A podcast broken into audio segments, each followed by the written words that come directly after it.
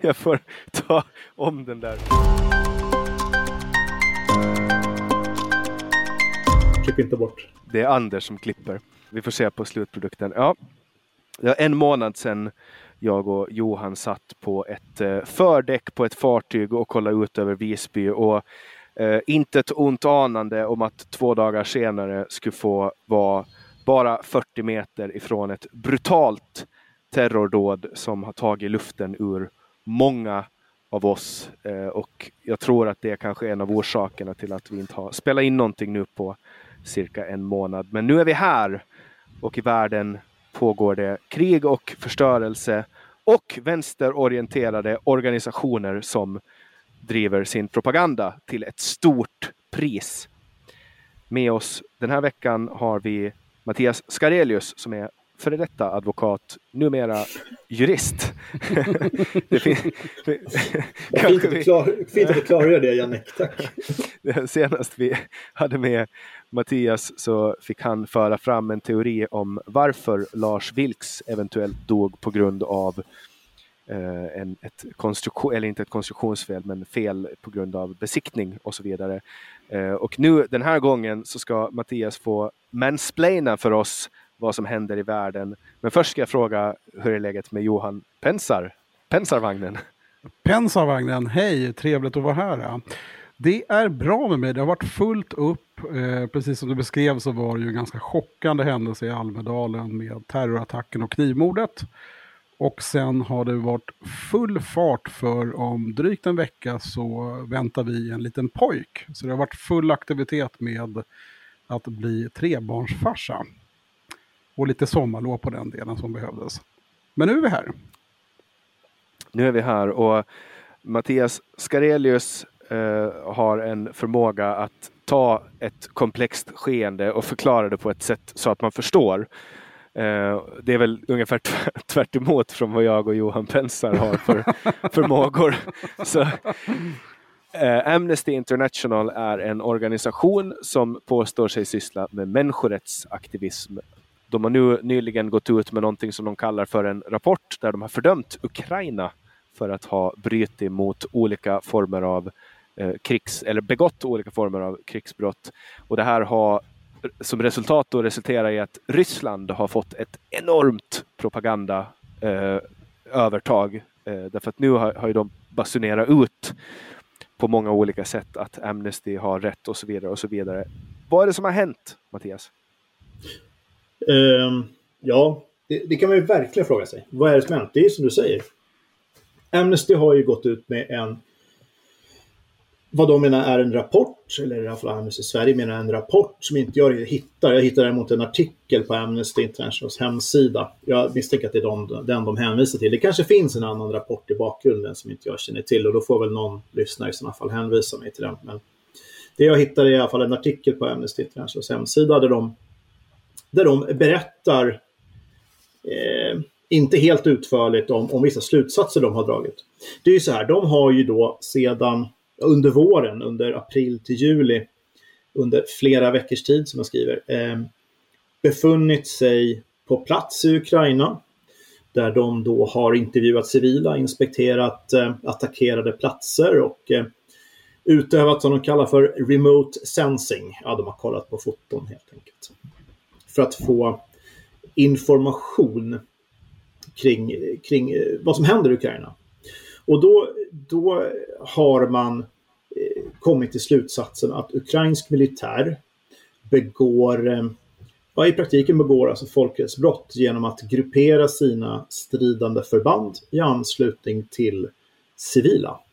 Det är väldigt kort slut, eh, sammanfattat vad, vad de säger. Om jag förstår det rätt Mattias så har det väl också hela den här illegala ockupationen från Ryssland har väl varit ganska brutal med bombningar, eh, mycket mänskligt lidande, många på flykt. Eh, och det kom ju en hel del kritik gentemot Ryssland. Att man eh, går ganska brutalt hårt åt civilbefolkningen i Ukraina. Stämmer det eller vad är dina reflektioner? Ja, enligt Amnesty så säger de ju i och för sig då att, att Ryssland gjort det. Jag tänkte, egentligen ta det i slutet här, men vi, vi kan peka, vi, vi, kan titta på det direkt. För det, det, det de säger om ryska styrkors attacker, det, det, det låter lite grann som att, de, som att det här var en del i någon slags legal konflikt. Amnesty har väl, inte, har väl, har väl liksom inte heller, har väl egentligen inte sagt det, men resonemangen är lite grann som om det vore okej okay för Ryssland att attackera Ukraina. De menar ju på att nej, men de ska iaktta krigets lagar. Ja, men skulle, ska Ryssland iaktta krigets lagar, då ska de ju get the fuck out. Då ska de ju dra. Då ska de åka hem. Det hade mm. varit liksom att respektera krigets lagar. Men i det här sammanhanget så säger de liksom att, att ja, jo men absolut, de, de gör ju fel så här och det är liksom det är vårdslösa attacker har de i andra artiklar beskrivit det här för, som. Och i, i den här Eh, i den här artikeln så skriver de, det här, och det här är, det här är en, en av de saker som jag tycker är väldigt, väldigt märkliga, de skriver så här att, att, att inte varje rysk attack har varit mot ukrainsk trupp i bebyggda områden. Alltså, inte varje rysk attack har varit mot ukrainsk trupp i bebyggda områden. Det blir som ett narrativ som gör att läsaren får känslan att det bara är undantagsvis som Ryssland skjuter mot civila utan militära mål på plats. Det vill säga att det kan mycket väl vara så då, enligt den här lydelsen att ja, det, det, det, är klart att Ryssland har gjort misstag och skjutit mot bebyggelse där det har funnits civila utan att det har funnits ukrainsk militär på plats, vilket vore ett flagrant brott mot, mot krigets lagar. Men, men det finns ju inget underlag, det är det känslan man får, men det finns inget underlag i materialet alls som pekar på att, att det är då undantagsvis. Det, det, det, de borde ha uttryckt sig på det sättet att att Ryssland skjuter systematiskt på bebyggda områden. Punkt slut. För det vet vi. Eh, sen om det finns civila där eller inte, det har inte Amnesty underlag att ens uttala sig om. För de har alltså sett vad de påstår överträdelser i 19 städer eller byar. 19! Ryssland ja, skjuter ju också... tusentals granater per dygn. Liksom då måste man också ställa sig frågan, så här, vad är det för människor som har observerat det här? För att en människa som inte har träning att förstå vad som händer på ett, ett slagfält kommer inte förstå vad som händer. Så att då kan man inte bara ta en, en random människa med en väst och bara be dem återge vad de ser. För, för de kommer antagligen inte att förstå vad som händer. Och jag menar, man ser i hela den här rapporten så ser man också att det finns en underton av att de inte har en förståelse för hur kriget går till. Och det mm. nämner du också i ditt Facebook-inlägg. Att den här, de, de, de förstår inte vad det är som händer. De är liksom Nej. inte militärer, taktiker, strateger. Nej, och det, det finns flera sådana små telltales på det. Nu är inte jag någon militär expert på det sättet, men jag har väl ändå gjort eh, militärtjänst och varit kvar i Försvarsmakten i olika kapaciteter under... Men, men den ödmjukheten att du säger det visar ju på att du förstår att du inte förstår det. Ja, absolut. Ja, och, och, och, man ska säga så här, jag, jag, säger egentligen inte, jag kan ju bara säga att de har rätt eller fel i det här, men jag saknar ju resonemang, jag saknar underlag i det här. De kanske haft, de kanske haft, eh, inte vet jag, krigshjältar eh, ute för, för deras, sin egen räkning som är väl medvetna om, om hur, det här, hur det här går till. Men då får man ju faktiskt presentera den informationen. Och en sån sak som jag stör mig på, det är att man, att man då, och precis som Amnesty själva säger, att, att det krävs ju då tungt vägande skäl för att gruppera eh, militär i bebyggelse där då civila riskeras. Men jag menar, min första invändning här är att har Amnesty verkligen tolkningsföreträde när det gäller då taktiska krav på militära grupperingar? Jag menar, de nämner själva, ja men i ett exempel fanns det en skog en bit bort och militärbas. Men militärbas är ett uppenbart mål för fientlig eld. Du kan ju inte gruppera militär i en militärbas. Militärbasen är väl det första du överger när kriget kommer, alltså din egna ut ur barackerna och ut någon annanstans. Det är det första. Alltså, bara en sån sak. Det andra är ju att ja, det fanns en skog också. Och vadå en skog? Vad, vad, vad, vad betyder det? det? Eh, ja, det fanns väl inte civila där förmodligen. Men, men vet vi att de här två ur ett taktiskt perspektiv var bättre att gruppera i? Något sånt resonemang finns inte alls. Och om man dessutom då lägger till då att terrängen utanför det här området man tittat i bortanför skogen kan ju varit kanaliserande till exempel så att fientliga truppers, truppers framryckning kommer, skulle oundvikligen ske via staden. Då måste man ju gruppera i staden. Att gruppera någon annanstans är ju helt vansinnigt. Ja, eller om man skyddar staden också. Ja, men i, i, är, är inte hela, hela, hela det här kriget som pågår i Ukraina till stor del i urbana områden? Det vill säga det sker i stadskärnor i, i, i städer som hela det här kriget utspelar sig. Det har, det har Jag varit... vet inte. varit Jag vet Inte inte. Jag tycker bara man ser det, mycket men- videos utifrån, utifrån fälten också så här ute i skogar och sådär. Men jag menar, jag, jag vet inte men det, om, om det är mer eller mindre i andra sammanhang. Men jag, jag tror att vi måste ändå ge någon slags tolkningsföreträde till ukrainska, till ukrainska militären. Att de inte sätter militärer där det är ineffektivt. Utan att de faktiskt sätter militärer där det är som mest effektivt för, för att möta fienden. Och, och som du säger Jannik, det är ju inte otillåtet folk, folkrättsligt att gruppera i bebyggelse för att skydda civila.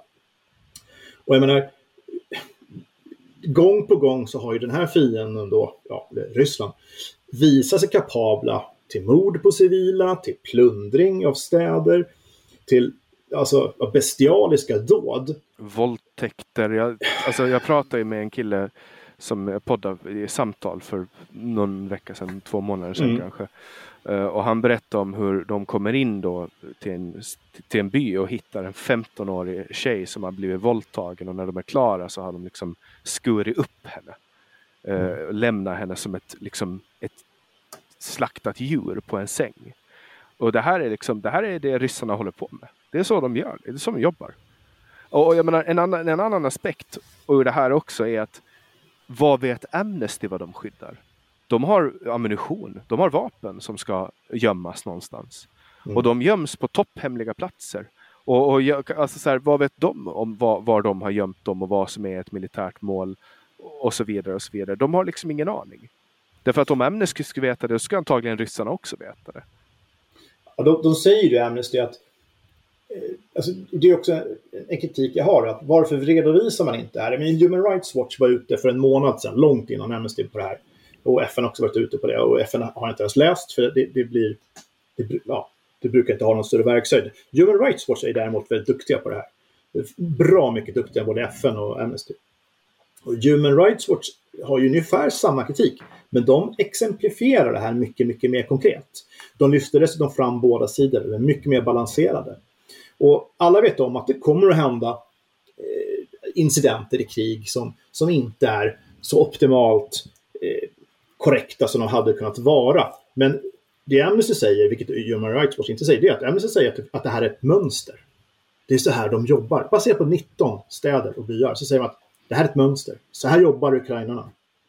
Och det är ju ett, baserat på den här informationen så är det helt otillräckligt.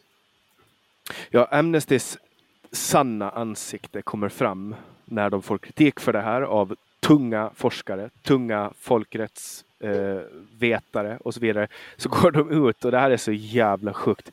De går ut och säger i ett pressmeddelande Eh, Amnesty International beklagar djupt den upprördhet och ilska som vårt pressmeddelande om den ukrainska militärens stridstaktik har orsakat. Och sen lite senare säger de eh, detta var verkligen vårt enda mål när de här uppgifterna släpptes, det vill säga att skydda eh, Mm. civila skydda då, och skydda civila. Och sen avslutar de med även om vi helt och fullt står bakom uppgifterna beklagar vi smärtan som orsakades. Det de gör är alltså att de, säger, de beklagar upprördheten och ilskan som pressmeddelande har orsakat. Inte att de är dumma i huvudet, klandervärda jävla vänstermuppar som har eh, spridit propaganda som antagligen har gynnat ryssarna, alltså fucking miljoner dollar värt i propaganda. Mm. Och, och förstört, liksom undergrävt hela förtroende för sin organisation och så vidare.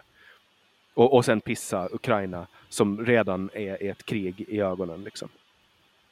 Alltså det är en klassisk härska- härskarteknik. Att, att förringa eh, meningsmotståndare med att säga att ah, vi förstår att det här väcker känslor. Det var ju det de sa, svenska generalsekreteraren Anna Johansson sa. Att jag förstår att det väcker känslor. Att det väcker känslor. Vi pratar alltså om någon som går in i den absolut mest allvarliga rådande konflikten just nu. Som du säger, ger, ger Ryssland ett propagandavapen utan dess like. De de gör det baserat på en fullständigt undermålig utredning. Där de, jag kan inte ens se att de har frågat några militärer i underlaget. Det är inte, det är inte rapporterat. Det, det, det står inte att de har frågat militärer. De har frågat civila, de har frågat släktingar till, till eh, eh offer. De har gjort sin, sin då granskning av satellitfoton och så vidare. Det står inte att de har frågat en enda militär. Och man kan säga så här också att det, alltså det finns ju en rad sådana här uppenbara brister som att de pratar om att det är flera kilometer från frontlinjen. Som om frontlinjen idag bestod av en linje. Alltså en, en fysisk ja, linje. Eller, en skyttegravar alltså, som 1914 liksom. Ja, Kom igen. jag menar, det, det, det, är lite mer så, flera kilometer. Jag menar, jag vet inte. Jag vet inte om ni, ni, ni eller lyssnare är bekanta med, med ett ganska nyklassiskt taktiskt begrepp. Det här att storma skiten ur dem.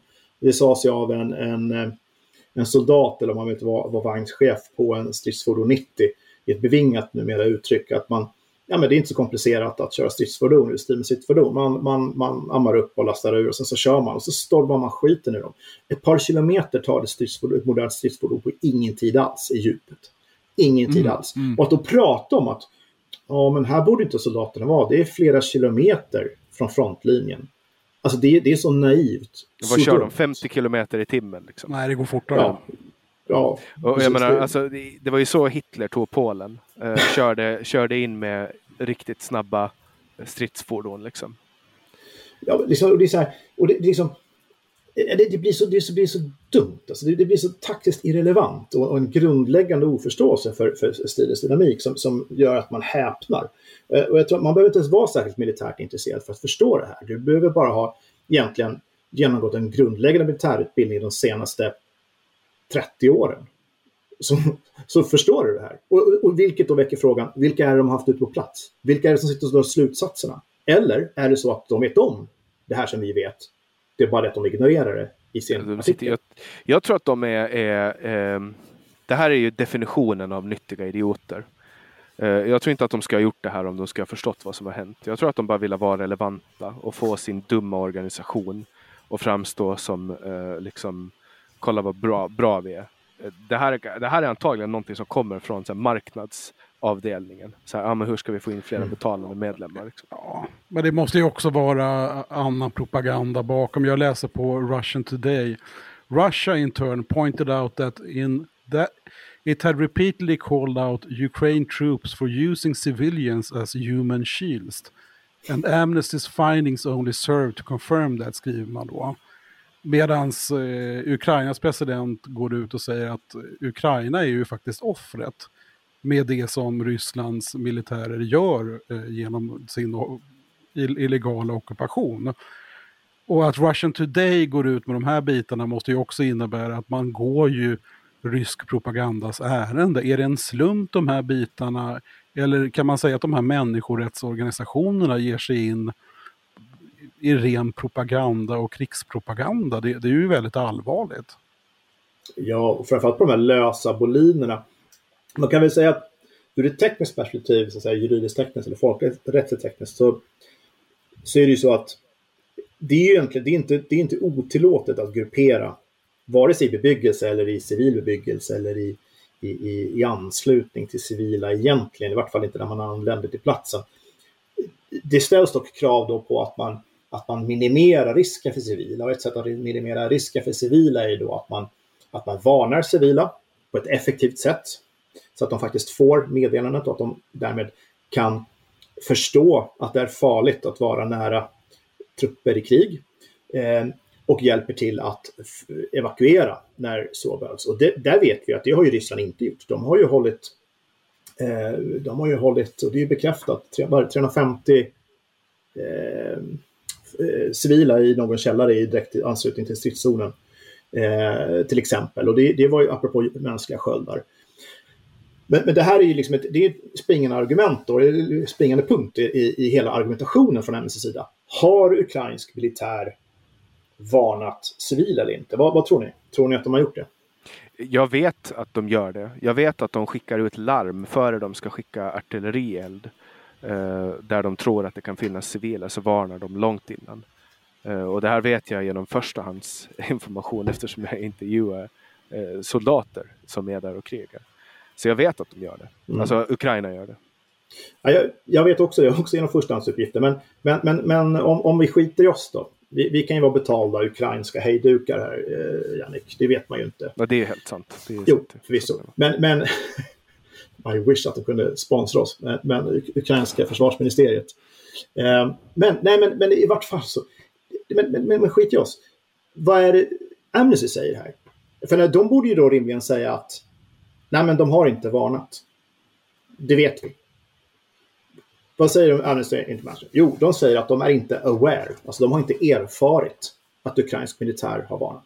De har alltså varit ute flera veckor i stridsområden, intervjuat då, antar jag, hundratals människor hinner man med på de veckorna. Man har gått in och hittat militär materiel, påstår man då, första förband som har USA-tillverkat, som för övrigt har delats ut till civila, men ändå. Täckta rutor på fönster, eh, förtäckta fönster och sådär. Ja, då säger man, ja det har varit, det har varit ukrainsk militär här. Ja, även om jag antar att den ganska lösa rapporten är sann, så kvarstår ju faktumet då fortfarande. Har man varnat civila? Eller den frågan kvarstår. Har man varnat civila? Har man då frågat civila? Uppenbarligen inte. Då hade, inte, hade man inte skrivit att man är aware, att man inte är aware att man har varnat. Att Ukraina har varnat. Är ni med? Va? De har alltså inte erfarit att ukrainsk militär har varnat, trots att man har varit på plats, trots att man har haft massor av människor och frågor. Vad säger då de här ögonvittnesskildringarna som på plats då, som, som de lite oseriöst tycker jag har lagt upp i citatform här? Ja, samtliga vittnar ju om att de är mycket väl medvetna om riskerna. De har ju varnat anhöriga, gå till soldaterna och någon annan säger att jag förstår inte varför de måste skjuta härifrån. Nej, det är inte säkert att han förstår det. En, en, en ukrainsk medborgare förstår säkert inte alltid, eller överhuvudtaget är det inte säkert att man förstår varför de är just där. Eh, men han tycker att de ska åka ut på fälten istället och skjuta. Uppenbarligen vet han ju om att det finns en risk. Men förutom det logiska då att, att civilbefolkningen vet om att det finns en risk, vilket det är de rapporterar, så har alltså, de alltså inte ens har de alltså inte ens frågat och utrett huruvida Ukraina har sett till att civila har fått veta att det är riskabelt att vara i anslutning till trupp i krig. Jag vet inte hur, hur jag vet inte hur man kan nöja sig med en sån lös bolin i en artikel av den här digniteten. Det känns ju som lite enkla påståenden.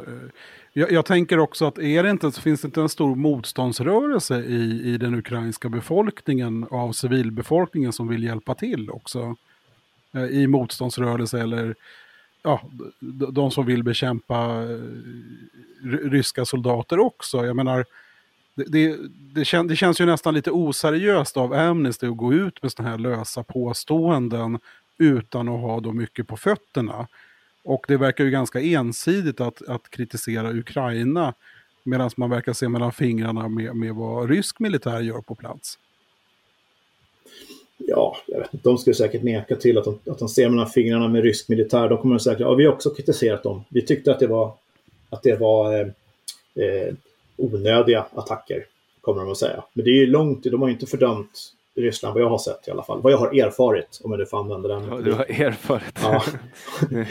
så att då kan jag anklaga Amnesty då för, för, att, för att sprida propaganda, för jag har inte erfarit någonting annat eftersom jag inte har ställt frågan eller undersökt fakta. Det är ju väldigt praktiskt det här att man inte, inte vad jag känner till. Så att, och det, det blir lite tragiskt. Men, men, men, men det, det, jag tror att det är så att, att Amnesty vet om att ukrainsk militär har varnat. För när jag läser citaten i Svenska Dagbladet som från den här Anna Johansson, då, generalsekreterare på Amnesty Sverige, så säger hon ju att, att eh, eh, om, det då hade, om det är nödvändigt för militären att stanna kvar i de här bostadsområdena så borde den ukrainska militären i högre grad ha uppmanat eller hjälpt de boende att evakueras. I högre grad. Det innebär ju alltså att hon säger att de har gjort det, men i för låg grad. De borde ha gjort det i en högre grad. Men då har de gjort det. Samtidigt som Amnesty International säger att de inte har någon... De har inte erfarit att det har varnats. Så hur ska de ha det? Amnesty Sverige säger något helt annat än Amnesty International här. Och jag tror att båda organisationerna vet om det här, men det är obekvämt. För då måste de gå in och diskutera hur mycket ska man hjälpa till, vara de civila och, och fattar inte civila det här, liksom kommer ut flygblad, kommer ut radmeddelanden och ropar man åt civila via megafoner så, så, så borde de ju, då, då räcker nog det. Här är man, tror jag, jag tror att man är väldigt intresserad av att fördöma ukrainska myndigheter här. Jag, jag, jag, kan inte tolka på annat och sätt. Frågan är, och, och så frågan är varför? Är det för att de vill, liksom, för jag, jag tror ju inte att de vill gå Rysslands äh, ärenden. Jag tror att det här är någon form av bara att de försöker bara vara relevanta. Alltså att det är, det är någon form, det är liksom, de är bara korkade, nyttiga idioter som försöker vara relevanta. Och nu har de gjort det på ett sätt så att människor skadas oerhört mycket. För man, Ja. någon gång, man måste ju ändå tolka folk på det snällaste sättet som det går. Jag tror inte att de är ryska spioner liksom, eller, eller KGB-agenter. Utan jag tänker att de är, bara, de är bara dumma i huvudet. Jag tror att du har, jag tror att du har rätt. Alltså jag tror ju att, att, jag tror att det handlar, just det här som du själv säger, att man har ett behov att vara relevant. Och att det här ger, som Johan var inne på, det här ger press också. Gör det ju. Eh, och i kombination med också att jag upplever att Amnesty har ju en inbyggd kultur av att alltid kritisera det som väst i allmänhet och USA i synnerhet är emot. Alltså de Eller gillar förlåt, förlåt är, är, för, är för snarare. så att, att De är- Amnesty kritiserar det som USA är för. Och USA har tagit ställning för Ukraina. Då ligger det latent hos många av, av medarbetarna och tror jag också indirekt i organisationen att vara latent skeptisk till Ukraina. Alltså Och- de är ju så här Hamas-älskare eh, liksom i Israel-Palestina-konflikten. Amnesty.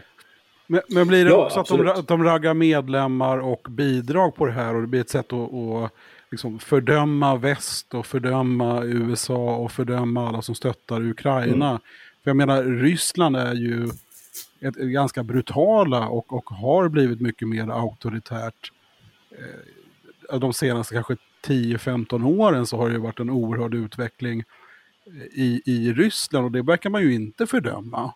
Men, men det, det är liksom att man ska, vara- man ska vara emot väst och man ska vara emot USA och, och då, då, då, då raggar man liksom den här pressen för, att- för att ragga nya medlemmar och sponsring och för att visa att man minsann man, man är liksom mot det här. Men det, blir, det slår ju väldigt fel i det här även då om man får rubriker.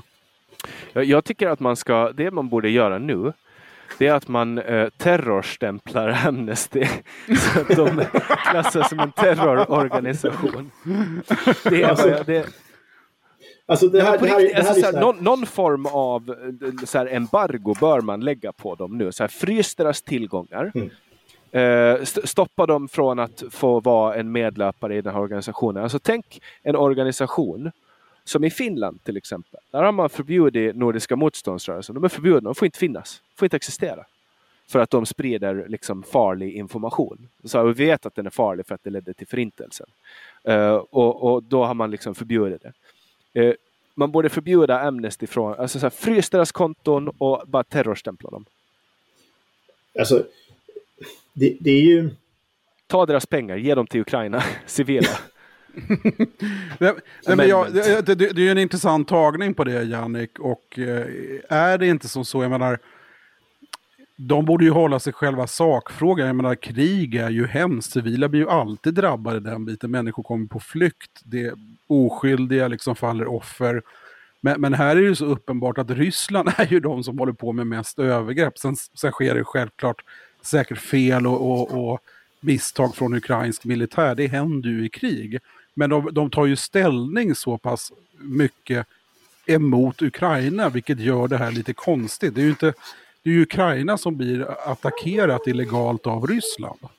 Det blir ju väldigt bisarrt att säga då att ja, men, Eh, hur, hur kan en sån organisation som ändå ska stå för människorätt och liksom eh, de här goda människorna som ska hjälpa till och så går man ut och kritiserar så här pass hårt gentemot Ukraina. Det, det, det blir ju lite skevt tycker jag.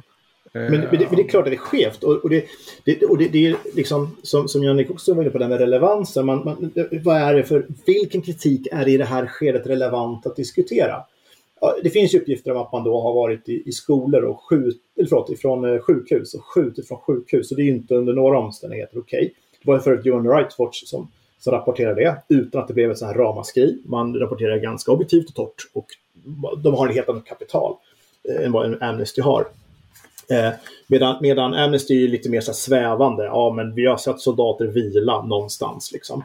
Men däremot så, på, på, och, och, visst, men absolut, sjukhus relevant, möjligen i det här läget. Eh, men däremot så har man ju lagt enormt stor vikt vid, i den här artikeln om, om, om skolor Eh, alltså att man har grupperat sig i skolor. Eh, ja, för de sitter ju i skolorna en och en halv meter, me, mil, vad heter det, meter från eh, kilometer från frontlinjen. Och, eh, och, och, och, sitter och läser, eller hur? Det är ju det som händer i Ukraina nu. ja, precis. Nej, de har lektioner. Nej, men alltså, det är ju det är, det är självklart helt tömda skolor. Men det har ett jättestor vikt i det. Samtidigt som eh, Amnesty själva säger att Nej, men alltså det är ju inte folkrättsligt otillåtet att, att, att gruppera i skolor när de, när de är tomma i vart fall. Och det har ju även, eh, det har ju även svensk, eh, svensk folkrättare konstaterat då. Eh, Mark Klamberg har ju precis sagt samma sak då. då. Det, det är liksom att, att ja, men, men visst, byggnaden kan ju förlora sin status då som skyddad byggnad. Men det är inga konstigheter. I krig, en skola, ja, det är frågan hur prioriterad den byggnaden är, den strukturen, ett krig när barn riskerar att mördas. Men ja, men så, jättestor eh, vikt vid det här. Och sen så har man då, har man då skrivit att ja, alltså det här, man, man har ju rätt till säkra skolor och, och man, man, har ju rätt till utbildning och det har ju Ukraina skrivit på. Här slår man in en totalt öppen dörr och blir nästan Alltså det, det blir nästan, det, det, är en så fullkomligt irrelevant synpunkt i det här läget. Alltså, men, Ukraina men, skulle det, förmodligen... Ja, alltså det kan ju inte pågå någon utbildning därför att Ryssland håller på med ett anfallskrig mot ja. Ukraina. Och då är lärarna uh, har flytt och... Uh, eller eller strider. Ja, det är så här, skärp er för helvete. Det, det är fullständigt bisarrt. Det, det, det, måste ju också bli, jag menar, det haglar ju ryska bomber som är, som är dumma lite här och var mot, mot skolbyggnader, mot lägenheter, mot massa olika civila mål. Det har ju kommit enorma rapporter om de bitarna, hur de använder ganska brutal krigsföring. Där de, de släpper ju bomber och granater lite här och var. Blir det inte då helt bisarrt att komma med den här typen av påstående gentemot ukrainsk militär och deras liksom, förmåga att försvara sig? Ja, det är väl klart är att de har rätt att försvara sig? Och, det är klart att de har rätt att gruppera i en skola. Det är folkrättsligt fullständigt solklart att, att, de har, att de har rätt att göra det. För att, för att då, och om det nu är så att säga, det, det bästa stället som, som man då enligt krigets krav kan man ju då kontra med eh, just då är det bästa stället att faktiskt gruppera. Självklart har man det. Och ja men absolut, man skulle då såklart varna civila som kanske bor i närområdet till en skola. För det är väl det som är problemet med en skola jämfört med, vad, vet jag, ett industriområde. Det bor civila förmodligen nära. Men, men det är ju inte, det, det, spelar ju ingen roll att, att, alltså, att man då fokuserar från Amnestys sida så pass mycket som man ändå gör den här artikeln på just skolfrågan. Tycker jag, det blir liksom det blir futtigt på en nivå som jag tycker att eh, är nästan Ja, alltså istället. För att, istället för att skicka ut folk som går runt och, och liksom uh, tittar på saker och sen skriver en rapport där de mansplainar på eh, sitt eget språk så kan ju de bygga skolor för sina pengar åt ukrainska flyktingar och lära dem saker. Det, det känns ju som bättre waste av pengar. Liksom. Men alltså, jag, jag, blir så här, för det första, alltså, Ukrain, ukrainska folket växlar gladeligen, misstänker jag. Nu pratar jag för hela ukrainska folket här. Men vi kan väl anta då att, att, att vi, vi, vi kan väl leka med tanken att, att jag får göra det då. Så jag, jag tror, om jag får killgissa, att det är en det ukrainska folket växlar gladeligen varenda skola i landet, skolbyggnad i landet mot att få slippa det här kriget och slippa rysk aggression. Helt övertygad om det. Det, det. Skolor är material, det kan byggas upp igen. Ingen på, undervisning pågår ändå i de, här, i, i, i de här områdena. Så vad är liksom problemet? Det, är liksom, det, det handlar om barn som hittills har förlorat ja, en, en termin. Det, det är inte liksom, ställt då mot det som händer nere i övrigt, att de kanske förlorar familjemedlemmar, eh, sina egna liv. menar, det, är liksom, det blir så futtigt, futtigt så att det, det är knappt... Man, det är nästan svårt att ta in att man ens fokuserar på det. Ja, för att knyta ihop hela Amnesty-skandalen så ska Mattias få ratea Amnestys rapport också. Av fem banjohögerkepsar, hur många banjohögerkepsar får Amnesty för den här rapporten? Får man lägga minus eller nej? Det kanske man inte. Alltså noll nej, alltså, Det är ju nolla. Liksom, det är nolla. Det här är, det här är fullständigt noll. Alltså, det är ju, det är så här, om man skriver rapport där man på något sätt antyder att, att när civila, när pansarkolonnerna rullar mot civila områden, bebyggelse, då får, då får soldater inte befinna sig i de områdena för att skydda civila. Antyder man det, då tycker jag då, då är man ju då är man förbenat snett ute och då har man ju inte något folkhälsostöd överhuvudtaget i sina uttalanden. Jag menar, det är ju det är fullständigt solklart. Så det är en, det är en, det är en klockren nolla. Mm. Då, då kan man äta en kuk. du får tala för dig själv där.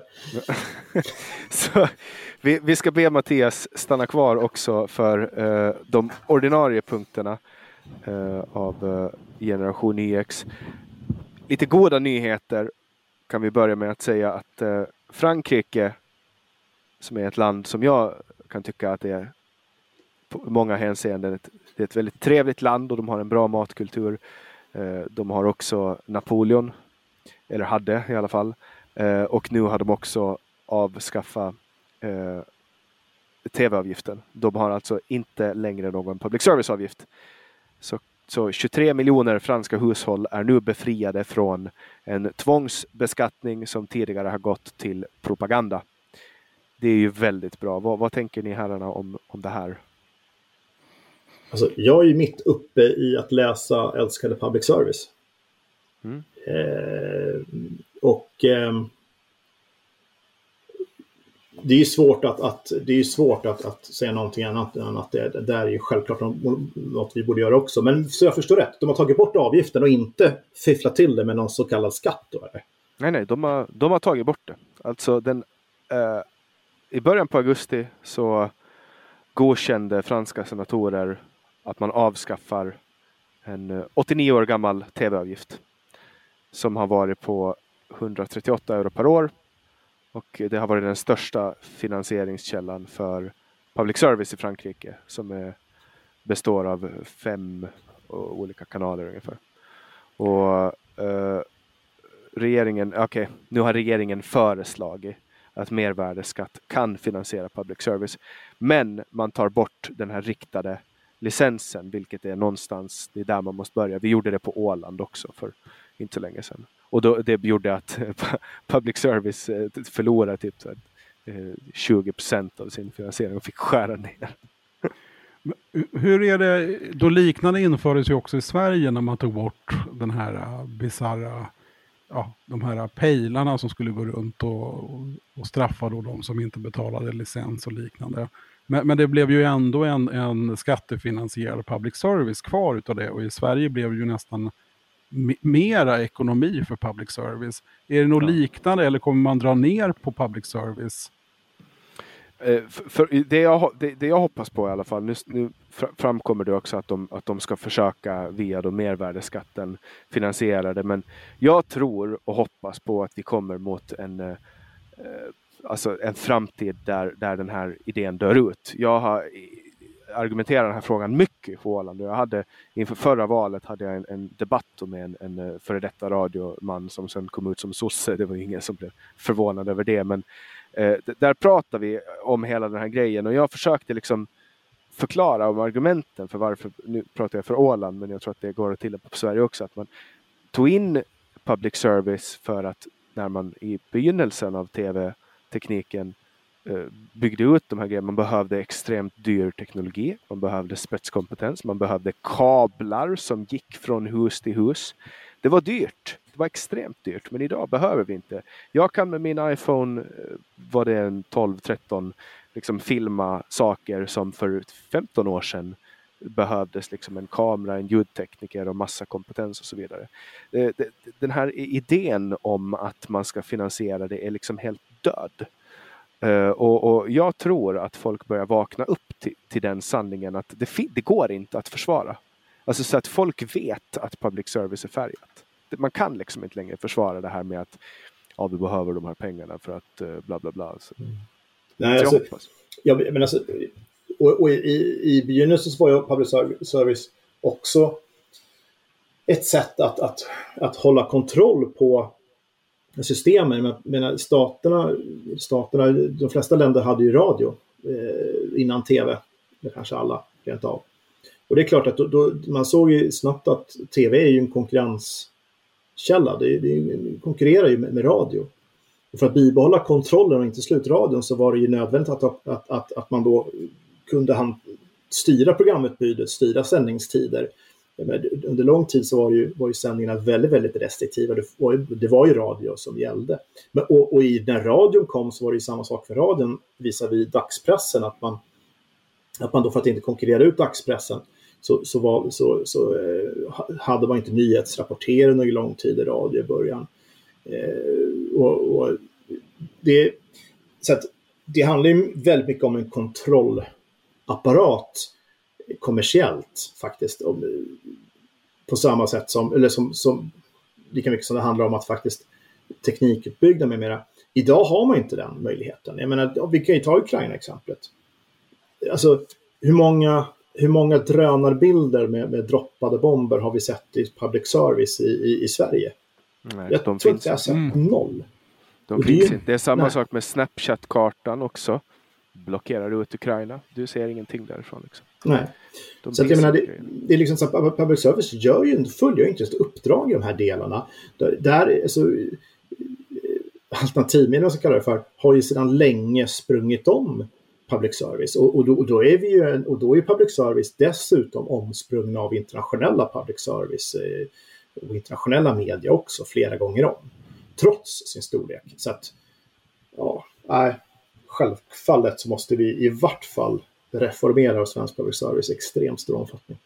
Mm. Jag tycker att Mm. det, det är liksom det går inte att, att försvara, men det är klart att människor kommer att kämpa för att ha kvar någonting som, som de är bekväma i. Eh, Men att komma med argumentet att nej men vi måste skydda fri media och sen påstå att public service är fri, då, då har man liksom inte förstått. Och sen också de- det här med underhållning. De kommer ju inte bita den hand som föder den. Utan det, det, blir, ju, det blir ju inte det här objektiva utan eh, ja, subjektiva nyheter och eh, politiserat helt enkelt. Mm. Det var den spännande, enda, spännande med Frankrike. ja, eh, och samtidigt i Sverige så har, och det här är alltså inte ens ett skämt. Jag, vänta, vänta, Erik, jag måste bara stanna kvar ett ögonblick bara vid Frankrike där. Jag, jag ska bara, hur är det tänkt att de ska finansiera sin verksamhet nu? Via Eh, mom, momsen. momsen. Det är via momsen. Det, de, får, Ja. de får inte ta in reklam då, då eller? Det blir Nej, ingenting det- sånt. För de, har ju jag stopp, de hade det förr och då stoppade de ju i Frankrike, har jag för mig. Ja, Fra- Frankrike är alltså på, på många sätt ett... Nu, nu har det alltså så här, jag ka- kan inte alldeles för mycket om Frankrike, men jag vet att det finns mycket i Frankrike som är betydligt mer nyktert än vad det är i Sverige. De För, har bättre eh, bönder i alla fall, höll säga. Det, det ska jag inte säga. Men, men Ja. de har mer upproriska bönder i alla fall. Roligare bönder kanske de har. Ja, Bönder som fattar att, att har man stora maskiner Mm. och Ska är man väldigt många så kan man skapa väldigt mycket liksom, problem för staten. Eh, De använder ju sina traktorer, alltså de kan ju fara in och så här sk- skjuta koskit på triumfbågen. Eh, om om eh, EU-kommissionen vill sänka mjölkpriset med två cent per liter. Liksom. Vi har väl- Sättet- Vi har väl en sån eh, pågående konflikt i Sverige, va? där det dumpas höbalar tror jag. Ja, i Örebro. Jag och, Mm. jag och Per-Ola eh, Olsson och Rickard Axdorff var ute en morgon i juni förra sommaren och intervjuade honom. Ehm, när han hade varit liksom och dumpat iväg de här höbalarna. Riktigt banjo kille alltså. Alltså, ni, ni uppfattar det som att han hade gjort det. För det är inte Ja, säkert Nej, det var. inte Nej men alltså det kan, det kan ha varit någon annan också. Så här, jag, I'm not one to, to judge liksom. Jag är ingen domare. Men eh, det kan ha varit han eller så var, jag sa ju ingen namn. Jag träffade han som gjorde det. ja, nej men i Sverige då. Sveriges Radio. Och det här är, det, det, det, det här är på riktigt alltså. Det finns en eh, musikpodd som heter Nere på noll. Som har funnits i eh, åtta år. Och de pratar om musik. Och eh, de har sommarpratare. Som de kallar för Sommar i Nere på noll. Podden heter Nere, Nere på noll. De heter Sommar i Nere på noll. Det finns många poddar som har sommarprat. Men eh, de här har alltså fått ett hot om att bli stämda av Sveriges Radio. Mhm. De fick ett eh, brev som eh, där det framkommer då att de inte får använda ordet sommarvärd Därför att det har de varit, varumärkesregistrerat. De har, alltså Sommar, Sommarvärd och Sommarpratare har Sveriges Radio registrerat hos Patent och registerverket för att använda i kultur och underhållningsverksamhet. Och så skriver eh, Kerstin Bröms Lumpus, som är någon form av jurist då på Sveriges Radio, citat. Efter, eh, eftersom Sveriges Radio är ett företag i allmänhetens tjänst är det också viktigt att vår verksamhet inte förknippas med kommersiella intressen, skriver hon då. och, då och då är det så här, vänta nu här. Vänta det här är alltså staten har registrerat ett ord hos staten så att ingen annan ska få använda det. Så svenska staten har gått till svenska staten och varumärkesregistrerat sommar, sommarvärd och sommarpratare. Jo, men har ni hört något sjuka? Ja, men framförallt, vem är det som går och registrerar ett namn hos Patent och registreringsverket? Vem är det som gör det? Jo, det är någon som vill skydda ett kommersiellt intresse. Eller hur? Exakt. Exakt. så att SR går och skyddar ett, ett varumärke som är ett kommersiellt intresse för att säga sen till någon annan som vill använda det här att nej, det här ska inte du använda för att vi vill inte bli förknippade med kommersiella intressen. Ja, det är så sjukt. Det, ja, men det är ju så sjukt. Jag menar, det är ju också ordet sommar. Så, så Sveriges Radio tar patent och varumärkesskyddar ordet sommar. Ja, men det, det blir ju...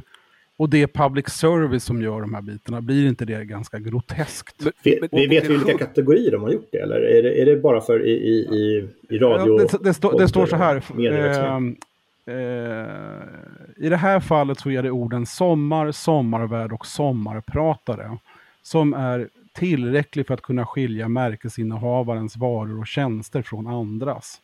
Så, så public service har då börjat varumärkesskydda sina egna kommersiella intressen som är statligt finansierade. Medan de, de ska ju jobba för, eh, alltså det är ju pub, alltså det är ju, det är ju public service, det, det, det, det blir ju helt fel. Om fler säger sommar, borde inte det vara någonting positivt eh, i, i, i deras uppdrag? Eller jag, jag, tycker det blir väldigt märkligt ja, det, och sen hålla också... på att stämma fram och tillbaka för att andra då poddar eller andra program vill använda ordet sommar i, i, i något format. Det blir ju faktiskt sjukt.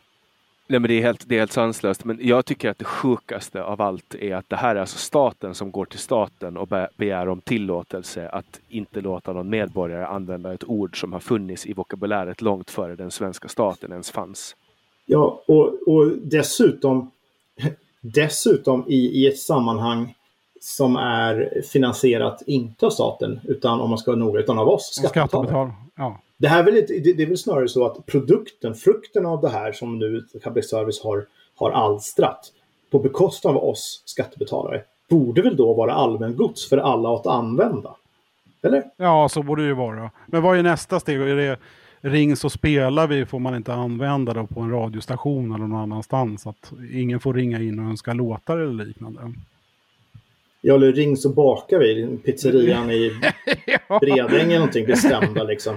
Ja, men det, här är ju, det, liksom, det här är ju på nivån som, jag vet att, att, att eh, stora internationella bilföretag har ju gått på folk som driver eh, entusiastsajter där de har då, de kanske racear med ett bilmärke på amatörnivå, så har de det här bilmärkets namn i, eh, i, i domännamnet. Jag tänker inte säga vilket bolag det är, då blir, då blir du säkert stämd. Men, utan det, det är ett ett eller flera stora eh, bilföretag som, som beter sig på det sättet. Så att här är, beter de sig, eh, det här är ju, ja, man, man kanske kan respektera det här som någon slags eh, kapitalism, vad vet jag. Det hade man ju kunnat göra så, om, om det inte vore för det faktum att det inte är kapitalism utan det är faktiskt skattepengar som betalar det här. Men, men också att man går på, man tar liksom pengar som har plundrats från staten och så tar man liksom en, en, eh, en division av uh, jurister och skickar det på små poddare. Liksom. Vad fan mm. håller ni på med era jävla idioter? Så här kan ni inte göra. Vem ska kunna slåss mot staten? Så här, vem ska kunna vinna en fight mot dem? Alla vet, alltså, så här, man kan ju inte, ta, man kan inte registrera sommar. Så det går inte. Så här, det måste, så, uh, uh, vad irriterad det blir. Ni hör det. Det här är alltså Nej, eh, Sveriges Radio är också kända för sin rasinventerande pro-rasinventerande eh, befolkning, eller befolkning, personal. Eh, det, det, var ju två somrar sedan så var, ju, var det ett upprop, upprop inne på Sveriges Radio eller om det var på Ekot, en specifik redaktion där de ville att man det fanns inte tillräckligt med mångfald och, då började de hänvisa till eh, listor om att jo men det har vi visst och, och helt plötsligt så började jag fråga men hur vet ni hur många procent svarta det finns på Sveriges Radio liksom? För ni register? Så har ni läst yttrandefrihetslagen liksom, som reglerar verksamhet? Man får inte föra register mm. baserat på etniskt ursprung eller åsikter. Liksom. Så det där, var, det där är någonting som bör följas upp. Uh, och så. Uh, i övrigt eh, så är det inte en enda glad sak på vår lista idag. Uh, ja, okej, okay, vi kan väl ta den här då, bara för att vi måste få in lite roligt förrän vi kommer med en hel uppsjö av ilska. Uh, en man som var ute på en skogspromenad fick en obehaglig upplevelse i Uppsala. Han var ute och gick i gälla när han såg en död kvinna i skogen. Och mm. tänk vilken chock man hittar, man påträffar ett lik och polisen kommer ut och kanske lite nervös. Men sen hittar de en sexdocka. Då är det Men det var väl har... glädjande. Det var väl glädjande. Vad härligt. då, är det, då är det någon som har tröttnat på sin sexdocka, lindat in den i en Ikea-påse, kört silvertejp runt den och dumpat den i skogen. Men, men vad, vad glädjande, vad glädjande. Jo, jo, men tänk som polis och lämna den här rapporten. Enligt patrullen på plats måste det ha varit en dyrare variant. Den var gjord i silikon. Såg mycket verklighetstrogen ut och vägde som en människa. Polisen tog med sig sexdockan från skogen. Oh, så, så här, var, var, så här, var kastar man den också? Så här, när man tar med sig den hem, så här, var lägger man? I baksätet? På polisbilen i trunken. Ja. Vad gör man med sen? Ja, alltså. Precis, det är ju snarare det. Vad gör man med den sen? Vad gjorde de med den sen? La de den i, i, i sop... I fikarummet. Fik, fik, fikarummet. Fikarummet. Vilorummet. jag, får, jag får en sån här lite dålig i, i, i impuls liksom att jag får en lite dålig impuls att, att, att den där möjligen då har hamnat på något mer sarkastiskt, ironiskt ställe inne på stationen. Jag får ja, eller så ligger den i fyllecellen liksom, alltså, ja. när de har paus. men, men det, var väl, det var väl ändå glädjande att, vi, att, att Sverige slapp ett mord. Det tycker jag var fantastiskt.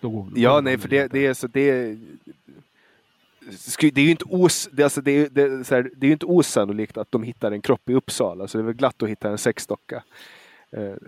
Eh, det finns mycket värre saker att, att hitta. Liksom. Vet ni om, om någon hörde av sig sen och efterfrågade den här? Att, så att jag har blivit av med, med, med, med en sexdocka som jag förvarade ute i skogen för att ha kul med. Var, var jag, tro, nej, men jag, tro, jag, tror, jag tror att det är så här. Att det där är någon som har köpt den här sexdockan. Och sen har de använt den så mycket att de liksom inte har gjort någonting. Alltså de har inte fått någonting gjort så att de har kastat den. Eh, för att de känner bara att det här går inte. Jag har liksom så 18 timmar i dygnet nu som jag tappar på grund av den här sexdockan. Eller så har, de, så har frun hittat den och bara sagt den där ska bort. Och så har han dumpat den i skogen i förhoppningen om att kanske ta in den när hon är på semester eller något sånt. Och så förstör, förstörde polisen allting och kom, kommer och tar den här fina sexdockan. Förstörde festen. Ja. Ni, ni, kanske, jag vet, ni kanske är så pass, alltså att ni har varit med om det här fenomenet skogsporr. Det låter spännande. Helt knäpptyst. Ja, helt, helt, upp, jag, helt jag, uppenbart. Jag har, inte erf jag har inte erfarit någonting av den, av den ja, arten. Men, Vad skulle det, det vara menar du? Berätta. Nej, det, det, är också en sån här magisk grej i Sverige att det är liksom från ingenstans så bara uppstår det eh, små högar och gömmor med, med porrtidningar i skogen. Och alla barn som har växt upp i Sverige under tiden före den digitala eran har upplevt det här. Alltså det är som att i varje skog, varje glänta i hela Sverige så finns det porr. Tänk vad många hundratusentals tidningar porr som ligger ute i skogen. Porr, mm. där barn hittar dem. Och så här, vad är det för sällskap som ser till att de hamnar där? Varför hamnar de där? Hur hamnar de Hur klarar de av fukten? Jag menar, en tidning klarar inte av fukt hur länge som helst. Och, och, och, och så här, det som jag har upptäckt i min barndom, jag har hittat två gånger, bara så här, vad i helvete, så här, what the fuck? Och alltid så har det liksom varit så här intakta till. Det är alltså fresh, de är liksom, finns där. Och så här, vad, hur hamnar det där? Vad är det, vad är det som händer? Är det så här, någon som bara, nej men det här, det här porren är för fin för att kasta, jag lägger den i skog, kanske någon hittar den. Eller så här, jag lägger den i skogen och hittar den senare. Eller kanske det är en magisk elva som tar fram den och bara här finns. Alltså, kanske där grej- porr kommer ifrån. Alltså grejen är så här, jag är ju jägare och eh, som sådan så, så händer det att man använder sig av åtlar. Du alltså sprider ut lite, lite gott gott till eh, djuren som kommer dit och kan käka. Så kanske man kan skjuta av ett vildsvin eller två där. Alltså man lockar in de byten man vill ha. Det är en pedofil åtel det här alltså. Alltså, alltså när du lägger upp det som du gjorde nu så fick jag den associationen att Det är, det är en pedofil åtel. Alltså, ja, Ja. Jag, vet inte, jag, vet, jag vet inte var vi är på väg med det här ämnet just nu, men, men det, det känns ju som att vi kanske skulle omvärdera den romantiserade bilden av, av de här porrgömmorna och möjligen kanske faktiskt eh, möjligt faktiskt ge, det här som taktiskt uppslag till polisen då.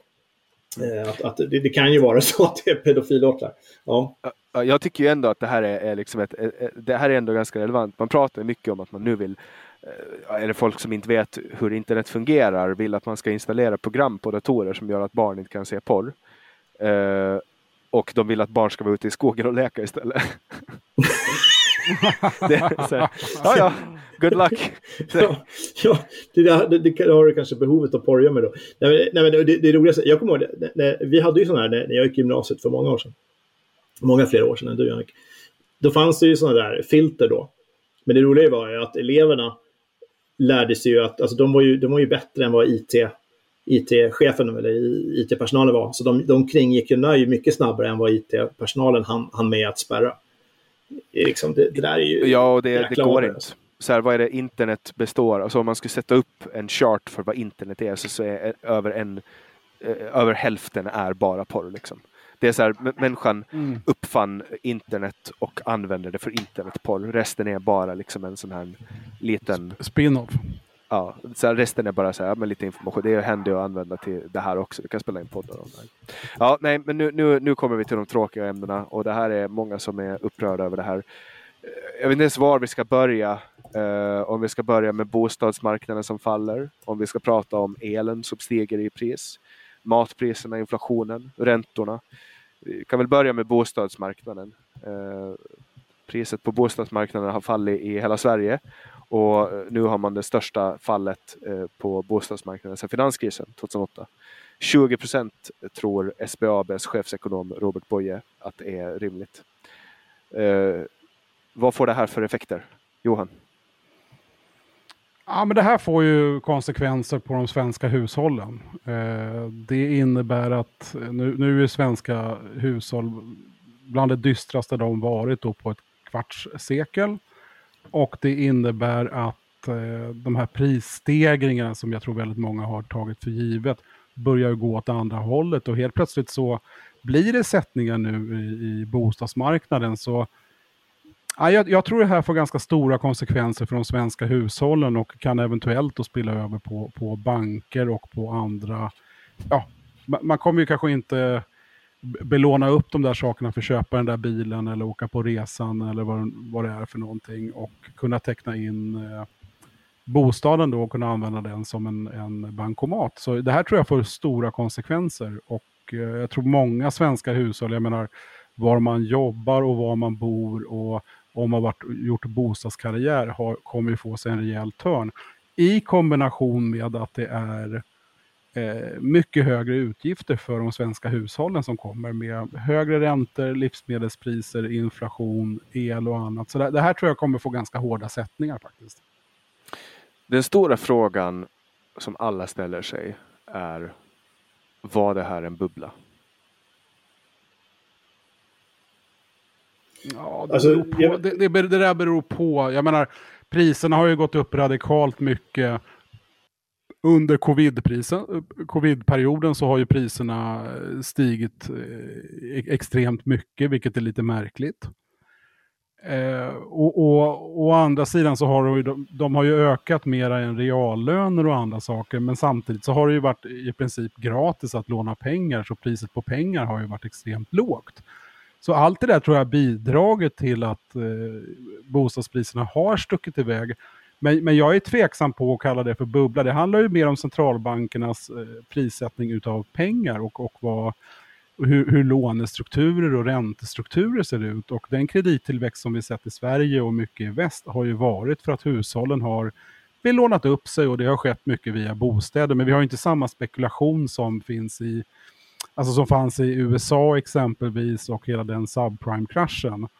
Eh, så jag, jag, vet inte om man ska kalla det för bubblor. Det, det, det, tror jag är fel ord faktiskt. Det är väl möjligt att, att den här prisuppgången som varit då under covid och sen så där det rusat för mycket, att, att det går tillbaka till, till lite lägre nivåer och när priset på pengar går upp så, ja då går väl prisutvecklingen ner. Det, det i sig behöver ju inte vara negativt, för jag menar det, det är ju en konsumtionsvara, en bostad, så jag, jag, skulle, jag skulle nog inte kalla det för bubbla, det är ett för, det, det, det, det är ett för, eh, nej, det tycker inte jag. Vad, vad tänker ni andra? Eh, jag har ju liksom inte ens funderat på att börja köpa bostad ännu. Men eh, vad jag har förstått, åtminstone de år som jag har ens varit aktuell för att kunna köpa en bostad, är att det här är, det är övervärderat. Marknaden är övervärderad. Och, och, och man kan också kolla cykliskt att marknaden går upp och ner och när marknaden går ner, när den korrigerar sig som det rätta ordet egentligen är, eh, så, så är det dyrare svårt, svårare att leva med en, en, bostad som man köper när det är liksom alla är glada och dansar på bordet.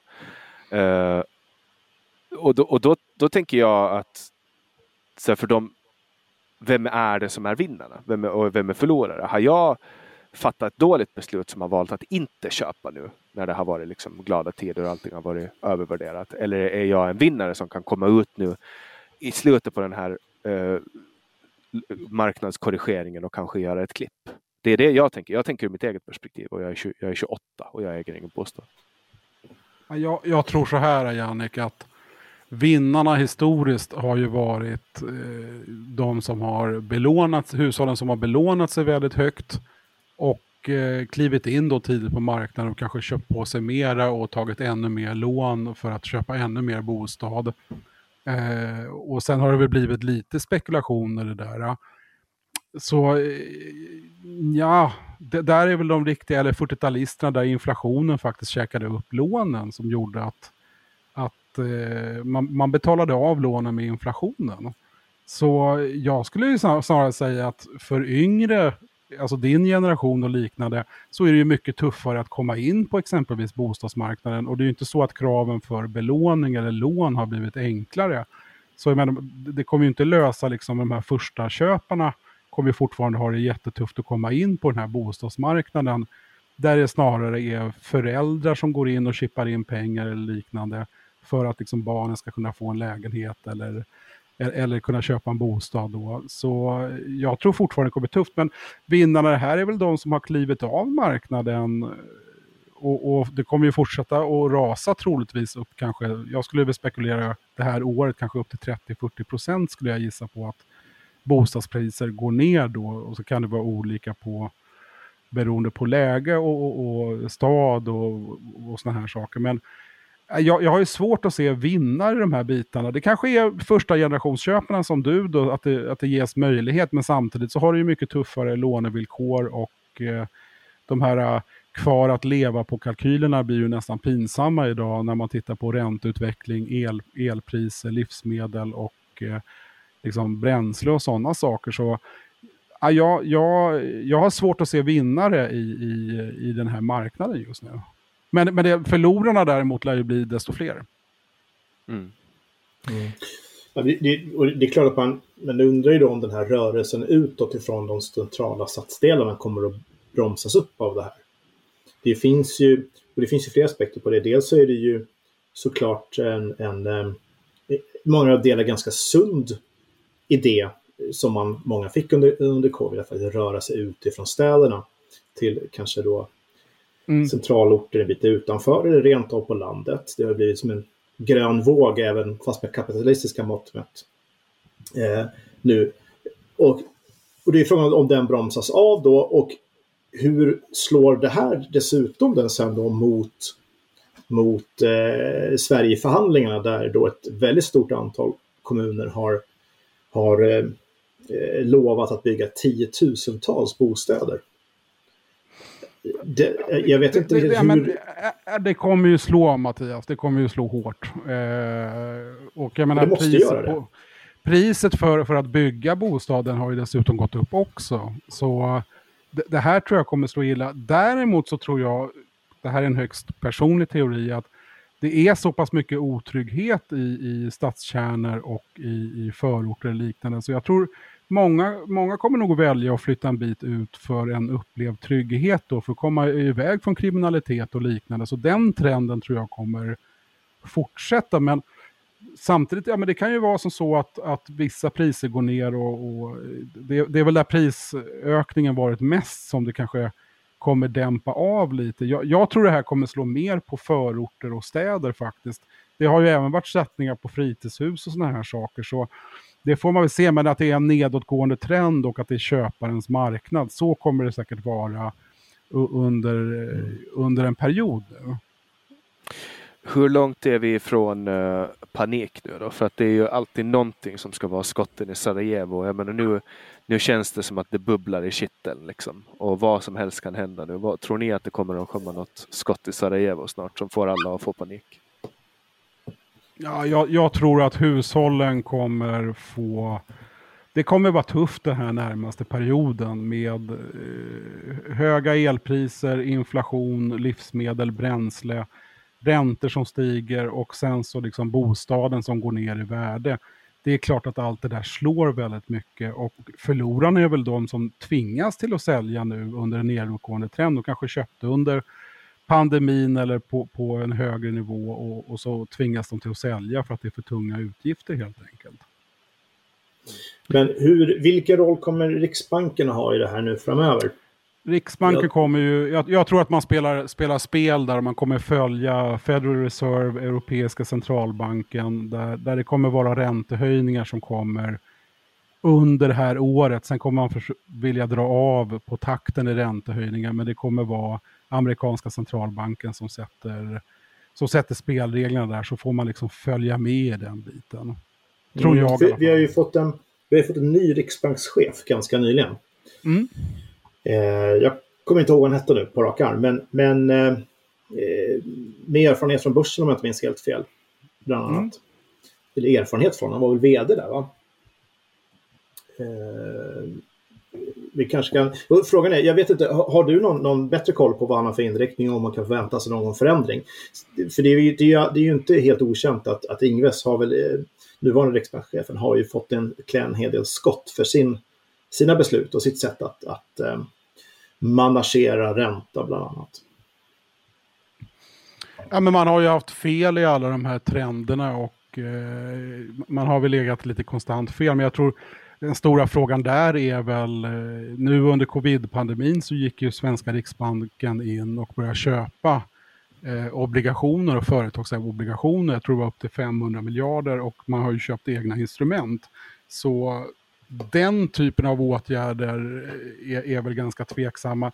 Men sen får man se när ledarskapet byts ut, men, men jag, jag har ju svårt att se hur de kan hålla ett inflationsmål på 2% och även om de höjer räntorna, eller centralräntorna då, så, så, har jag svårt att se att de kommer stävja inflationen. Så man sitter ju med en, med en dålig giv helt enkelt. Eh, och, och, den värsta, värsta är väl, och det är väl där det kommer många spekulationer, att börjar man höja för snabbt nu så kan kan det slå väldigt illa och samtidigt så fortsätter man att ha eh, hö hög inflationstakt och vi ser ju det sprida sig i, i hela världen. Så det här är ju ett jobbigt scenario och eh, det här kommer ju inte bli lätt eh, oavsett vem som leder svenska Riksbanken då och, och, och sätter eh, liksom, priset på pengar. Och man kommer ju vara styrd i vad, vad andra centralbanker gör.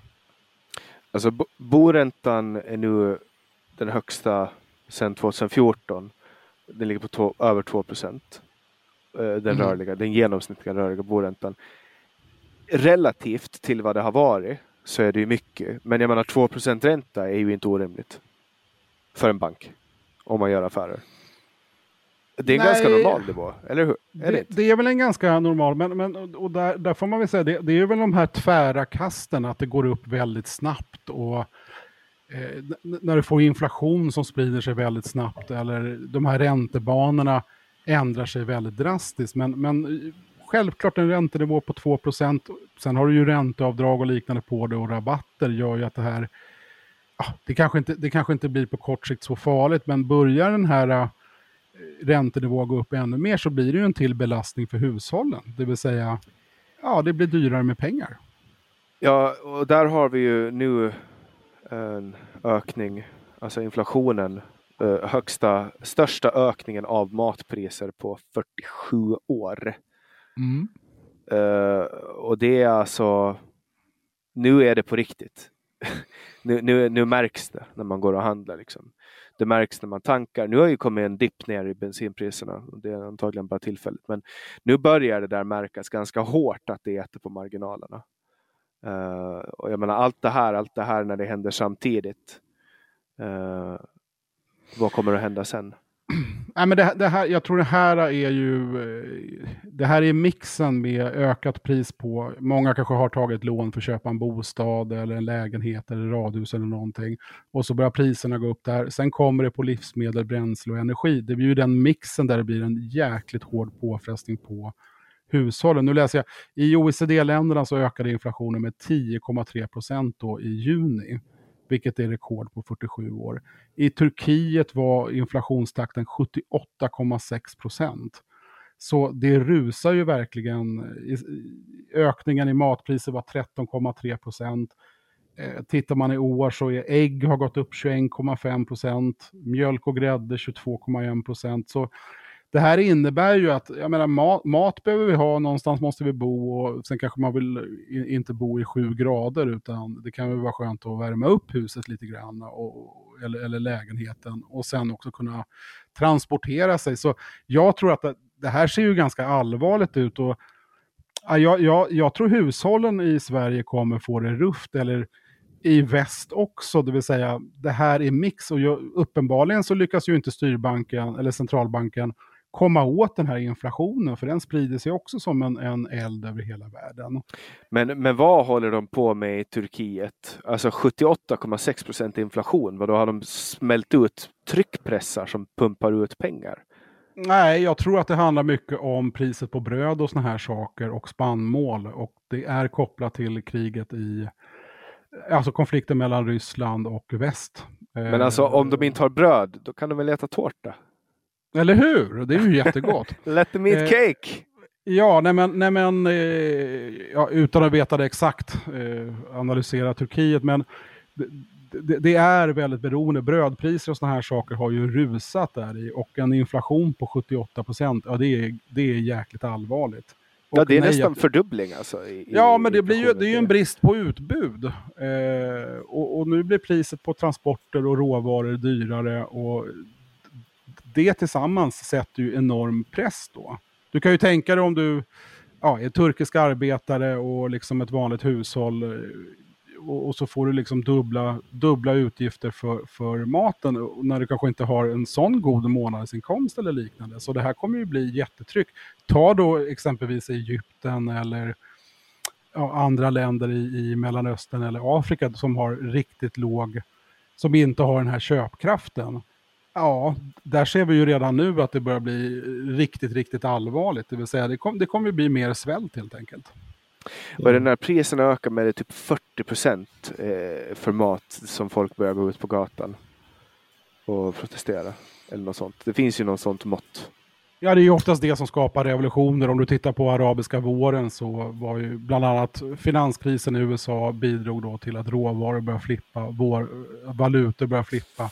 Och de Franska då inte, revolutionen. Ja, men, men alltså när, när folk inte har råd att sätta mat på bordet eller värma upp sig och, och de här sakerna, ja, då brukar det ju bli ganska dålig stämning. Ja, och, och i Sveriges yttre del så är förmodligen i en, en eh, missnöjesröst någonstans. Här, här går vi inte ut på gator och demonstrerar eller ens tar vår traktor och kör in till, till Rosenbad. Utan här knyter man handen i fickan, gnäller i media och sen så lägger man ett missnöjesröst någonstans där man absolut inte tänk, hade tänkt sig.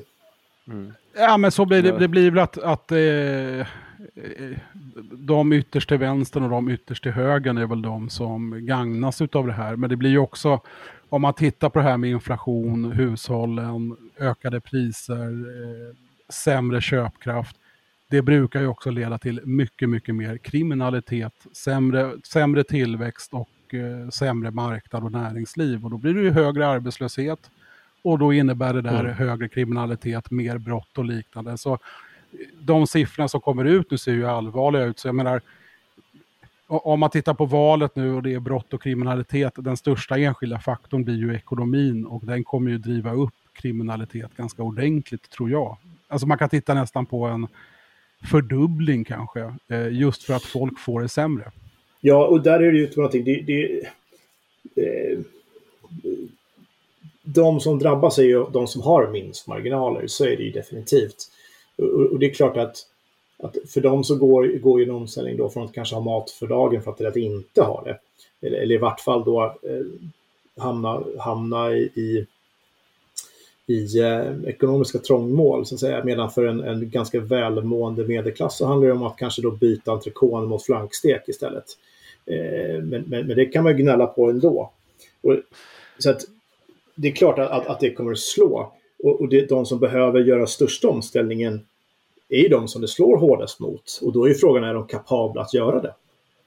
Det, det, det, det är det ja, som... Det, det, är det jag undrar. Men, men om du tar en fattig pensionär eller en student eller eh, folk som kanske är låginkomsttagare generellt kommer ju, har fått det mycket sämre och kommer få det radikalt mycket sämre framöver. Även medelklassen får sig ju en rejäl törn i det här. Och, och tidigare har jo, ju kanske de... Ja, det här steget är ju proportionerligt liksom. Det är det som är grejen. Det slår ju lika hårt mot alla.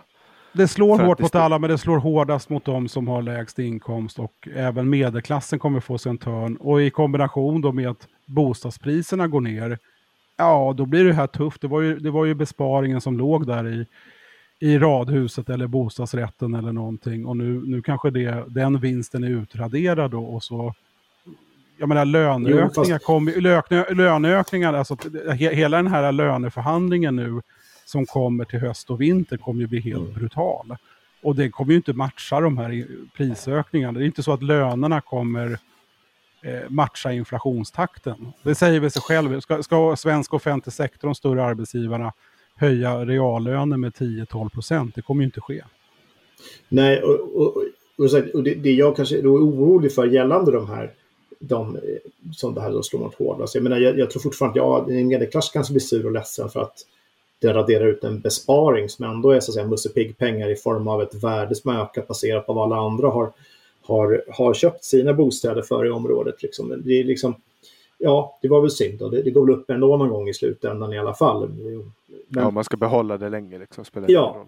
precis. Nej, eh, det, det, man, jag är ju snarare och, och, många av de här har liksom kapacitet att ställa om sina liv. Du har ju en större valmöjlighet. Och, och då är frågan om vad de här som vi pratar om i utan, utanförskapsområden som så att säga, tar lågkvalificerade jobb, vilken möjlighet har de att ställa om sina liv? Det, det, blir, ju väldigt, det, blir, ju väl, det blir ju väldigt svårt skulle jag säga under de här, uh, alltså det blir ju extremt svårt.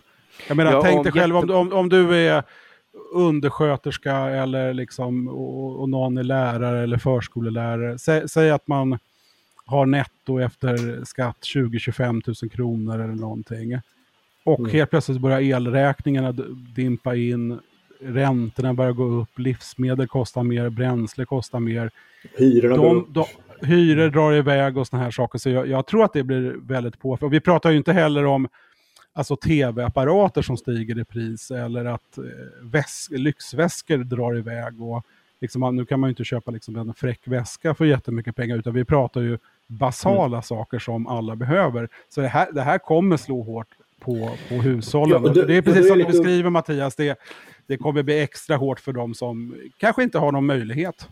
Nej, och då är frågan, vilken, vilken skyldighet, vilket ansvar lägger vi på dem då att, att eh, att hantera sin, sin, situation och ställa om sitt liv, flytta dit jobben finns och så vidare? Eller landar vi i det här sedvanliga ja, men Det kommer ju inte att... gå. Det är något fel på systemet om, om för många människor helt plötsligt inte har råd. Och vad, vad ska man van- göra? Ska van- man ut, utmätning liksom?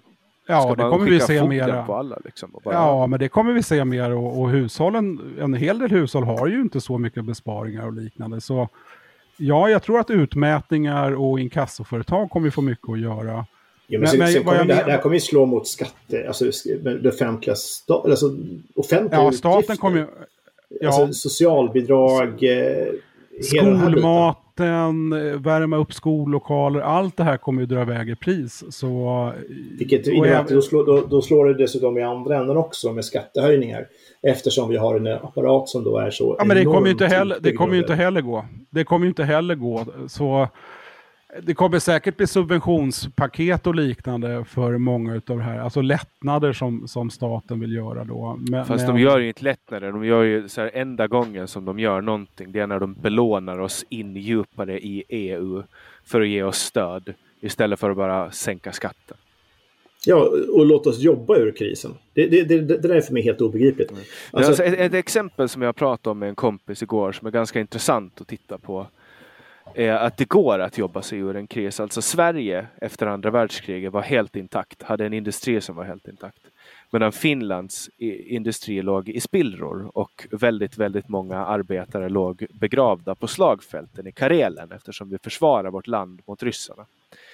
Men fin Finland lyckades bygga upp sitt land samtidigt som de betalade tillbaka alla krigsskadestånd till Sovjetunionen. Eh, byggde upp krigsindustrin och kom tillbaks. Medan Sverige stagnerade och stod på samma ställe. Och så kom Finland ikapp någon gång, var det kanske på 90-talet. Och jag menar, det är möjligt att bygga sig ur en kris eh, på- det sättet. Men då måste man vara schysst med företag. Då måste man vara schysst med människor. Då kan man inte hålla på och beskatta ihjäl folk. Och, och, Nej, och men- det staten kan göra.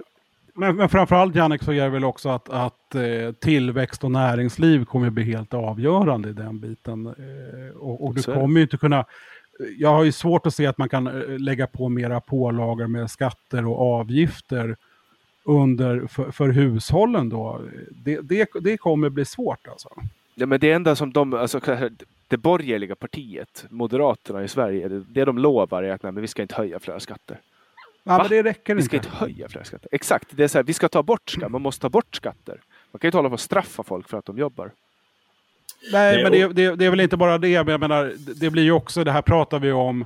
eh, Jag menar, ska vi ha ett val som säger, ja men jag har, jag har glöd i lampan och fan, jag, jag firar med både brödrost och 21 grader varmt i, i min bostad. Ja. Det här är ju Det- grundläggande funktioner som, som en stat ska leverera till, till sina invånare. Och här ser vi exempel med vanligt folk kommer få det radikalt mycket sämre. Alltså förra eh, vintern och förrförra vintern var det åt helvete med el. Och då var det ingen som sa någonting på, på förhand. Men nu är det augusti. Och i Expressen så kan man läsa om att, att elpriserna kommer att gå upp. Och för en vanlig villaägare kan det betyda omkring 50 000 kronor mer än vanligt under vinterhalvåret. Alltså så här, nu går de ut och varnar för de här priserna. Mm. Alltså det som kommer, och när de varnar på det här sättet, alltså det som kommer att hända nu är det är så att ta på dig ylletröjan, står det i den här artikeln. Det, det, det är ut och, och eh, kapa ved, ni som har skog, och sälj dyrt. Vedpriserna kommer gå upp. Det är vad jag hör. Mm. Men, det, Jo, men, jo, men så är det. Men jag menar, sa, samtidigt är det ju, eh, man går ju på fullt allvar ut och säger nu att man kommer ha nedsläckning i Skåne för att man inte har kapacitet i elnäten.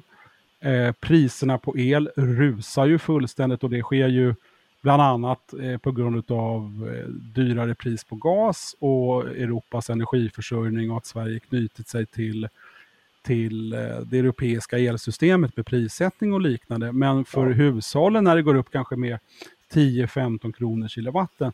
Du vet, det blir fem gånger dyrare om du har en villa eller ett hus eller någonting. Ja, det här kommer ju slå brutalt. Tänk dig själv Ja. en, en, en räkning på 20-40 000 kronor. Men det skulle ju också kunna vara ett bageri eller en restaurang som får rejält höga priser i det som i Sverige har man tagit för givet och, och det har fungerat bra. Så det här ser ju superallvarligt ut. Eh, ja, och, och, det ställer ju också hela den här debatten om vindkraft och kärnkraft liksom helt schackmatt upplever jag. Den är, det känns så torftig i det här sammanhanget. Jag menar, det är klart som tusan, ett, att vi måste se till att bibehålla kärnkraften i Sverige och inte avveckla ett skit i förtid förrän vi absolut måste. Det är ena. Två, vindkraften, vindkraftmotståndarna kan ju bara liksom lägga ner. Jag menar, det, det är ju, vi, vi, har fortfarande äganderätt i Sverige och jag menar, vill man bygga ett vindkraftverk så ska man få bövelen för att göra det. Jag blir helt matt när jag hör moderater som går emot alltså, moderater som är emot vindkraft.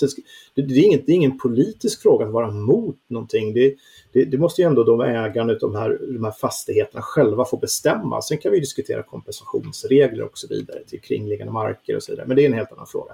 Det där är ju, det där är ju rent trams. Men det, liksom, vi, vi sitter ju i en... Eh, liksom, vänstern har ju lyckats bygga en fullständigt en barock apparat för att förhindra byggnation. Vilket gör att det byggs ju långt ifrån så många vindkraftverk som skulle kunna byggas. Därför, för i eh, praktiken en inskränkning i äganderätten. Så hur tusan ska vi ens, hur ska vi få el? Vi stänger ner, vi stänger ner kärnkraftverken. Vi kan inte bygga vindkraft i den utsträckning vi, som, som behövs. Vad, är liksom, vad är ja, Vi bränner olja i Skåne. Liksom. Vi vad är det, 280 000 liter olja per dygn eller någonting. Så kan man göra. Ja, men det är som att man agerar ungefär som att det här är Island där alla har en varm källa under huset. Liksom. Det är fullständigt barockt. Jag menar, det, det är, och, och, och jag, liksom, det är ju... Eh, jag menar, det handlar ju om att folk behöver ju se, ut, se om sina hus och eh, ta bort de här direktverkande elementen och, och se till att kunna kunna eh, ha en bergvärmepump eller vad de, vad de nu gör som drar mycket, mycket mindre el. Ja, men hur ska de kunna göra det då när, när de inte längre har kvar några överhypotek i, i, i husen? Hur ska de finansiera bergvärmepumpen? Hur ska man finansiera mm. det här på en mm. marknad ute på landsbygden där husen kanske är värda ja, mindre? Hur ska man köpa det när alla försöker installera det samtidigt och så finns det, ja, ja. det går liksom inte. Samma med solpaneler, så ja, det finns hur mycket eh, beställningar som helst som folk inte hinner. Och, och de, men... de åker dit och, och liksom smäller upp eh, solpanelerna men det finns liksom inte invertrar så att du kan inte använda dem. Nej, men, Nej exakt, för halvledar, halvledarbristen. Eh, och, Nej, men det, du... det, är ju, det är ju väldigt tvära kast i det här och jag tror om man slår ihop det här med elpriser som drar iväg, inflation, livsmedel, bränsle. Eh, li, ja, hela den här mixen kommer ju bli en, och att det går så jäkla fort också gör ju att hushållen står inför eh, jättepåfrestningar det närmaste mm. året eller åren skulle jag säga, vilket kommer göra det här dramatiskt. Men sen håller jag med mig självklart, jag menar, i Sverige har det varit billig, stabil eh, el under en lång period och det har ju, det har ju politiken lyckats haverera helt enkelt. Man har ju stängt ner fullt fungerande kärnkraftverk för att man satt ett pris då på just kärnkraftsel som har blivit dyrare att subventionera vindkraftverk. Och, och sen har man inte fått bygga vindkraftverk, vilket ja, men hela den här mixen har ju blivit väldigt dålig. Så jag tror allt det här kommer liksom, jag tror att det bildas under den här vintern kommer det bli någon form av perfekt storm. Där, där hushållen kommer vara jäkligt grumpy och det har de all anledning att vara för de kommer få det sämre. Levnadsstandarden det, kommer att gå ner. Och det, det är en himla tur för regeringen att valet är innan vintern. Hade det varit ja. nästa år så tror jag att då hade, det nog, då hade den inte sett fullt så bra ut. Och det, jag, det skulle regeringen... Men, men, vad ska, men, men, å andra sidan, vad ska de göra? Jag menar, oavsett i vems knä det här hamnar efter valet så kommer det här bli riktigt kniviga frågor eh, att hantera. Jag, jag, läste i Norge satte man ju maxtak på om det var 75 eller 80 öre kilowatten efter ett elprisuppror.